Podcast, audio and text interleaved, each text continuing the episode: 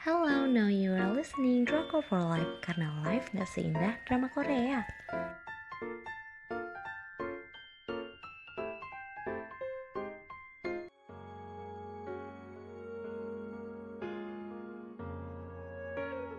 Review drama Korea It's Okay to Not Be Okay adalah sebuah drama psikologis yang dark abis. Dengan saluran penyiaran TVN tanggal penayangan 20 Juni sampai dengan 9 Agustus 2020, jumlah episodenya ada 16 episode dengan rating 5 dari 5. Sesempurna itu kan drama ini? Selanjutnya aku bakal bacain sinopsis.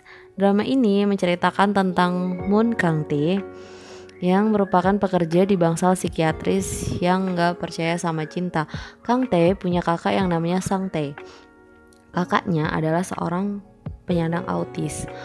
Terus selanjutnya ada Ko Munyong merupakan seorang penulis buku cerita anak-anak yang memiliki kepribadian antisosial, sangat egois dan sombong. Tipe-tipe I want it, I got it. uh, secara nggak sengaja mereka ketemu, eh ya mereka ketemu dan jatuh cinta ya yang namanya Munyong harus dapet lah ya kalau yang udah dia pingin akhirnya dia ngebututin si Kang Tae yang kembali ke kota asalnya hmm, selanjutnya kita bakal ketemu-ketemu banyak kebetulan yang mengarahkan pada masa lalu mereka Selanjutnya aku mau bahas tentang animasi dongeng pertemuan Gumunyong dan uh, Mun Gang Tae Semasa kecil dikisahkan dengan ilustrasi dongeng dan narasi misterius. Bahkan sempat membuat penonton mengira ada genre fantasi di dalam drama ini. Animasi dongeng mengisahkan anak perempuan terkutuk dengan narasi yang dibawakan langsung oleh So Ye Ji dan Kim Soo Hyun. Penonton jadi bertanya-tanya, inikah awal pertemuan Kumunyong dan Moon Kang Tae waktu kecil? Hmm, tapi nggak ada unsur fantasi yang sama sebenarnya nggak ada unsur fantasi sama sekali dalam drama ini. Adegan mimpi seram, halusinasi, hingga arsitektur misterius bisa dibilang cuma bumbu yang menghiasi sinematografi drama ini. Terus selanjutnya tema drama ini tuh lebih fokus ke psikologi ya. Tokoh-tokohnya dihadapkan sama permasalahan diri mereka sendiri. Selain itu, penonton juga ditunjukkan perjuangan bagaimana para pasien di sebuah rumah sakit jiwa berusaha untuk sembuh dan melawan ketakutannya. Gak cuma di situ, para penontonnya juga diajak untuk menghadapi ketakutan diri yang buat hidup terasa berat. Terus aku mau membahas penokohannya. Moon Gang Tae diperankan oleh Kim Soo Hyun. Dia adalah seorang perawat di rumah sakit jiwa yang tahun tiap tahunnya harus pindah rumah. Si Gang Tae ini dari kecil udah mandiri banget karena dia uh, dia ini udah yatim piatu dia punya Hyung yang autis otomatis dia harus terusan ngerawat kakaknya no matter what ya uh, dia emang udah sayang banget dari kecil sama kakaknya si Gang Tae ini dari kecil nggak pernah ngerasain hangatnya kasih sayang karena ibunya selalu lebih fokus ke kakaknya terus ada Komunyong yang diperankan oleh So Ye Ji. Dari kecil dia udah menunjukkan sisi psikopatnya, jadilah kepribadiannya antisosial. Dia nggak mau ngalah dan dingin banget, tapi dia suka banget sama Gang Tae. Tekadnya yang kuat bikin dia ngejar-ngejar Gang Tae dari episode 2. Meski um, Munyong adalah seorang penulis dongeng anak, namun sosoknya bukanlah menjadi sosok yang manis dan baik hati ia digambarkan sebagai sosok yang angkuh, egois, kasar, dan berbanding terbalik dengan harapan penggemarnya. Meskipun demikian, sosoknya yang nggak akan bikin penonton membencinya, tapi tambah jatuh cinta dan sayang uh, sama dia. Uh, terus dia ini punya style yang aneh dan nyentrik, and I really like it hmm, sumpah ya nggak paham sama tas super, ke super kecil yang kayaknya cuma muat buat uang receh atau enggak uh, dia pakai topi yang super lebar dan kayaknya bisa deh buat jaring ikan di laut. Selanjutnya ada Moon Sang Tae yang diperankan diperankan oleh Oh Jung Se. Hmm, dia adalah seorang tokoh yang melengkapi dan gak kalah penting. Si Hyung ini lahir emang udah jadi orang yang istimewa. Sang Tae yang udah kayak cowok dewasa ini kelakuannya stuck kayak anak kecil. Dia seneng banget sama dinosaurus, suka pakai baju yang colorful. Hmm, Hyung ini punya trauma karena dia ngelihat ibunya dibunuh dan diancam secara langsung sama pembunuhnya. Jadi setiap musim semi, Hyung Hyungnya ini um, selalu bermimpi tentang kupu-kupu dan buat mereka harus pindah rumah lagi. Selanjutnya ada Jo Jesu yang diperankan oleh Kang Ki Dong. Dia ini sahabatnya Gang Tae yang always be there when Gang Tae need him. Setia banget sih si Jesu ini sampai dia rela ikutan pindah-pindah gitu ngikutin si Gang Tae. So sweet sih. Terus ada enam juri diperankan oleh Park Jo Young. Dia adalah teman Mung Munyong dari kecil, tapi mereka nih nggak akur gitu. Cause there's something wrong gitu kayaknya. Uh, juri ini dari dulu udah suka sama Gang Tae, tapi akhirnya bertepuk sebelah tangan. Juri ini cute banget sih menurut aku, kayak selalu manja sama ibunya, terus kayak kalau marah lucu. Pasti di awal banyak yang gak suka sama tokoh ini, tapi trust me, guys juri ini baik pakai banget apalagi ibunya kayak consa banget sih menurut aku. Uh, aku ingetin sekali lagi ini emang drama psikologis tapi dark abis. Cerita yang disajikan dalam serial drama ini bisa bikin penasaran penonton terus bikin berdebar tapi tetap menyenangkan. Melansir dari halaman Korea Bu, So Yeji, dan Kim So Hyun mengaku kisah dalam serial drama ini membuat mereka sedih saat pertama kali membaca skrip karakter Ko Young juga membuat Mirsa kembali melihat kesulitan dalam hidup yang dia jalani.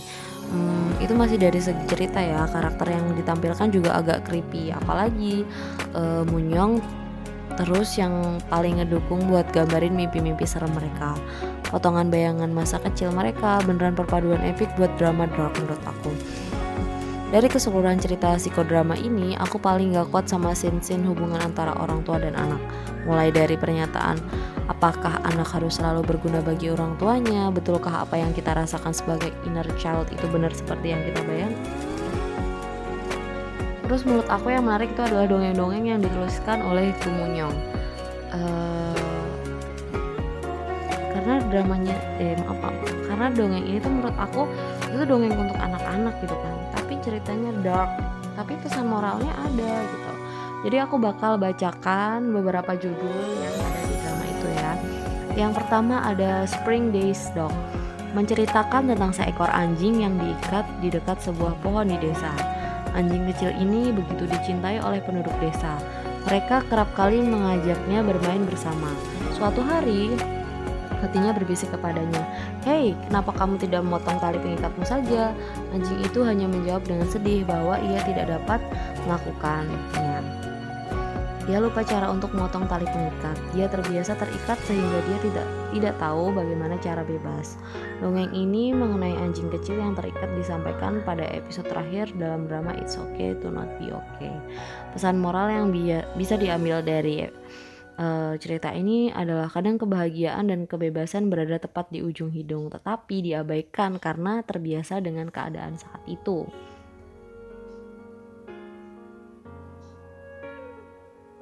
Selanjutnya ada Teenage Boy Who Grew Up Eating Nightmares. Kalau dongeng satu ini merupakan yang pertama dinarasikan di drama ini. Ceritanya mengenai seorang anak laki-laki yang sering bermimpi buruk uh, dia lelah dengan mimpi buruk yang dialami. Kemudian ia pergi mencari penyihir. Ia meminta penyihir untuk mengambilkan mimpi buruknya. Sebagai ganti, ia rela melakukan apa pun. Seiring berlalunya tahun, dia tumbuh menjadi seorang dewasa. Dia mulai menyadari bahwa jika tidak mengalami mimpi buruk seperti itu lagi, di, hmm, dia tidak sedikit pun bahagia. Penyihir itu datang kepadanya pada malam di mana bulan bersinar penuh, dan dia bertanya mengapa itu begitu.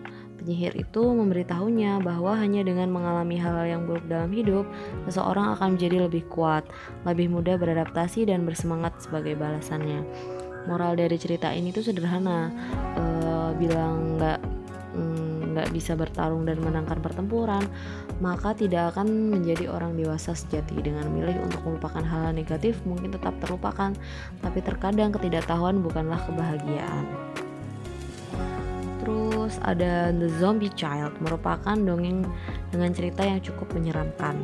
saat dinarasikan dalam drama pun diberi peringatan mengenai cerita di dongeng ini. Dongeng ini menceritakan seorang bayi dengan tampilan yang buruk rupa, terus dia terlahir di sebuah desa. Bayi tersebut memiliki kulit yang pucat dan ada tanduk yang muncul di kepalanya. Sang ibu e, tak lama kemudian menyadari bahwa sang bayi bukanlah manusia, melainkan zombie. Dia memiliki kasih sayang uh, dia tidak memiliki kasih sayang atau emosi, hanya keinginan untuk makan. Ketakutan ibu lantas uh, membuat ibunya menyembunyikan bayi tersebut di bawah tanah. Ia hanya memberikan makanan yang ia curi dari penduduk desa seperti ayam dan lain-lain. Kemudian suatu hari ada penyakit dan kelaparan melanda di desa. Semua orang pergi dengan tergesa-gesa, sementara sang ibu tetap tinggal ketika dia tidak menyadari bahwa dia tidak sanggup meninggalkan anaknya seorang diri. Perlahan namun pasti, stok makanan menipis. Seorang ibu lantas memotong kaki, kemudian tangannya demi memberi makan pada sang anak. Pada hari terakhir ketika ia hanya membiarkan dengan tubuhnya dia merangkak ke depan anaknya dan memeluknya, membiarkan ia melahap seluruh tubuhnya. Anak zombie akhirnya berbicara untuk pertama kalinya dalam hidupnya untuk mengatakan, "Jadi, ibu sebenarnya hangat." Cerita dongeng ini memiliki makna uh, bahwa mungkin bukan keinginan atau keserakahan untuk diberi makan, tapi sekedar untuk merasakan kehangatan dan cinta seorang. Karena ia tumbuh dengan dikutuk dan bersembunyi. Hmm, ini serem sih digambarkan penuh ketakutan, tapi dengernya aku pengen nangis.